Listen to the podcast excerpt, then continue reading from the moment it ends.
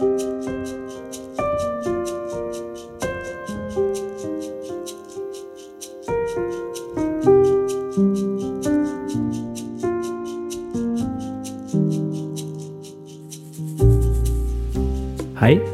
du lytter til Spires pod, og jeg heter Vidar Mæland Bakke og er til daglig prest i bymenigheten Sandnes. Jeg forsøker å dele litt håpsord med dere her på denne podden i dager som er ganske krevende for eh, de fleste av oss. Jeg har vært litt opptatt av dette med erfaringen av å være i en ørken, og det faktum at eh, Guds folk har vært i en ørken før. Noen av dere som kjenner meg, vet at jeg knuste brillene mine før jul. Jeg måtte kjøpe meg nye. Da fikk jeg et eh, råd om at jeg kanskje trengte å bli litt rundere i kantene. Så jeg fikk meg noen eh, litt runde briller. Men så viste det seg at jeg skulle få et annet brillepar på kjøpet. Og lite visste jeg jo da i begynnelsen om at brilleparene mine er magiske. Det ene brilleparet, de med litt runde kanter, de er mulighetsbrillene. Med dem på vil jeg se muligheter. Jeg vil være optimistisk, og jeg vil se etter ting å være takknemlig for. Men så har jeg også disse andre, da. De kaller jeg for utfordringsbrillene. Med disse så ser jeg skarpere alle problemene og utfordringene jeg har foran meg. Og med dem kommer et stort ansvar for å advare og gjøre andre oppmerksom på farene som venter at mye kan gå riktig ille. Det er jo akkurat den samme virkeligheten jeg ser på, men blikket og perspektivet mitt er liksom forskjellig, alt etter hvilke briller jeg tar på. Ja, dere som kjenner meg, har sett at jeg trives best med disse mulighetsbrillene. Men eh, den siste tida så har jeg også funnet fram de andre stadig oftere. For nå kjennes det jo virkelig som om vi må ta ansvar for å se alvoret i denne situasjonen. Og det er viktig at vi får all den harde informasjonen fram i lyset, slik at vi kan reagere og forstå hvilken ytre fiende som truer oss. Hvis ikke går jo dette riktig galt. Men nå handler det om blikket og perspektivet vårt i den situasjonen vi står oppe i.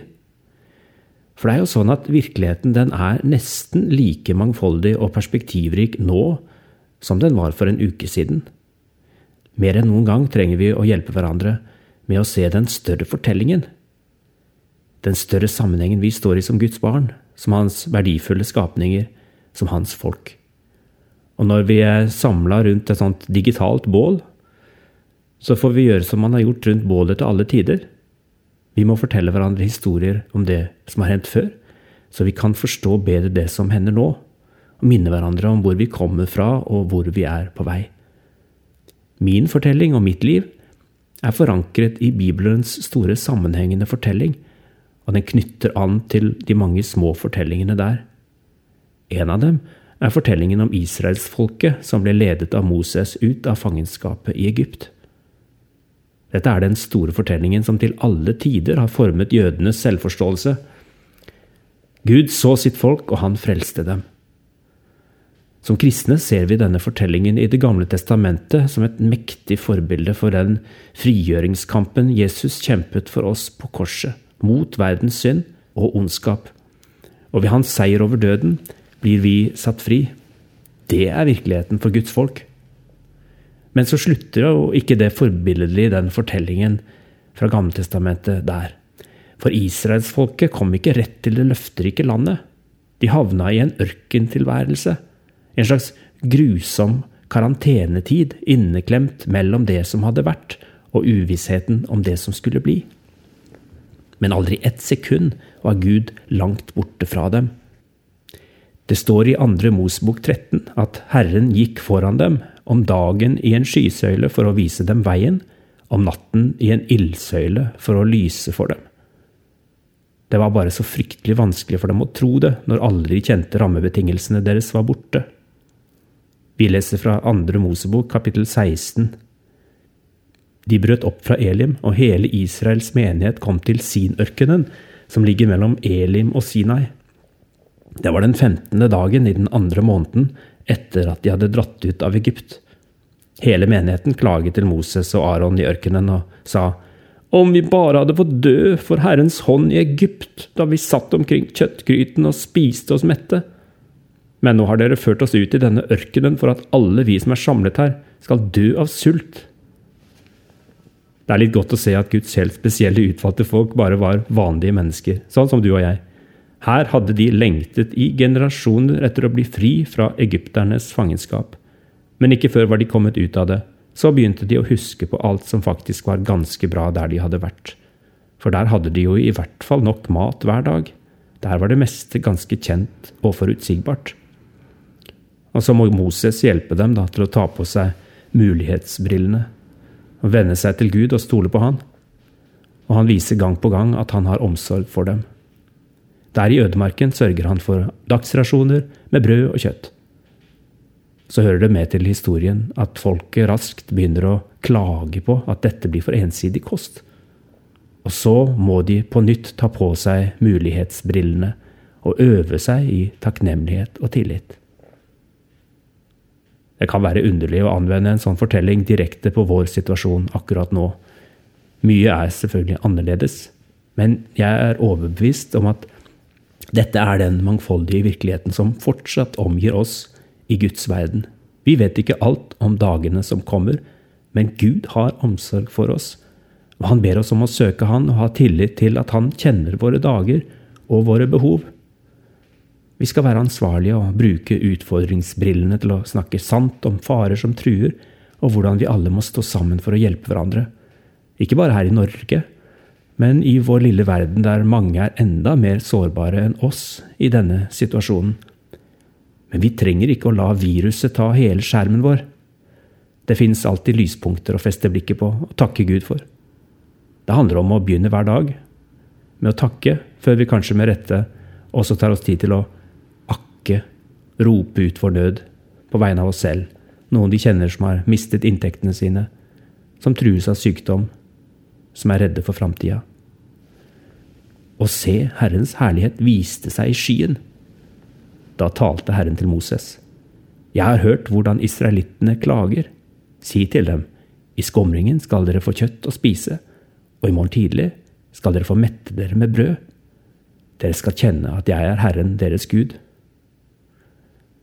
Den nye generalsekretæren i NMS, Misjonsselskapet, tidligere prost på Karmøy, han sa i et intervju med avisa Vårt Land forrige dagen å kjenne på maktesløsheten og utryggheten i en slik situasjon gjør noe med oss. Det kan hjelpe oss til at vi ikke tar livet som selvsagt, at vi lar Gud være til stede i våre liv med sin trygghet, tilgivelse og hjelp. Det kan fornye våre bønner for maten vi spiser, for helsa vår, for den jorda vi bor på, og vårt engasjement for den fattige del av verden. De som er fattige, rammes mye hardere nå enn vår vestlige verden i slike krisetider. Guds folk har vært i ørkenen før. Det er noe med å få perspektiv. Det er noe med å løfte blikket også utover, mot verden, mot Gud. Guds folk har vært i ørkenen før. Det er mange fortellinger. Min kamerat som jobber som prest i Alta, han fortalte meg forrige dagen på telefon om at nå minnes de det som skjedde der under andre verdenskrig. Da resten av Norge kunne glede seg over freden, så kom folk i Alta tilbake til en nedbrent by. Bygd. Bare to kirker sto igjen, kanskje som et slags symbol på at eh, Gud faktisk ikke hadde forlatt dem heller i denne situasjonen. Og så sa de til hverandre, sånn som nordlendingene sier, vi står han av. Og så begynte de å bygge opp igjen bygda si og livene sine. De gamle iblant oss husker jo krigens dager, og de sier at de kjenner at stemningen ligner litt. Og samtidig så er ikke dette en konflikt mellom mennesker. Det er annerledes. Det er ikke mennesker som er vår ytre fiende her, og det gjør at vi står sammen i verdenssamfunnet mot dette som har rammet oss. Og med oss på veien så kan vi ta med oss ordene fra Hebreerne 4. Siden vi har en stor øversteprest som har gått inn gjennom himlene, Jesus, Guds sønn, så la oss holde fast ved bekjennelsen. For vi har ikke en øverste prest som ikke kan lide med oss i vår svakhet, men en som er prøvet i alt på samme måte som vi, men uten synd. La oss derfor frimodig tre fram for nådens trone, så vi kan finne barmhjertighet og finne nåde som gir hjelp i rette tid. Når vi har en sånn frelser som kan lide med oss i vår svakhet, så skal vi også være rause med hverandre. Både når vi fristes til å klage, og når vi klarer å løfte blikket og takke for det vi har, tross alt. Jeg vil be en bønn til vår øverste prest Jesus, på vegne av alle som er ensomme og kjenner på frykt akkurat i disse dager. Og bønnen har jeg fått av eh, Hans Olav Mørk, som eh, er delt i forbindelse med nasjonal bønnedag, som var 22. mars.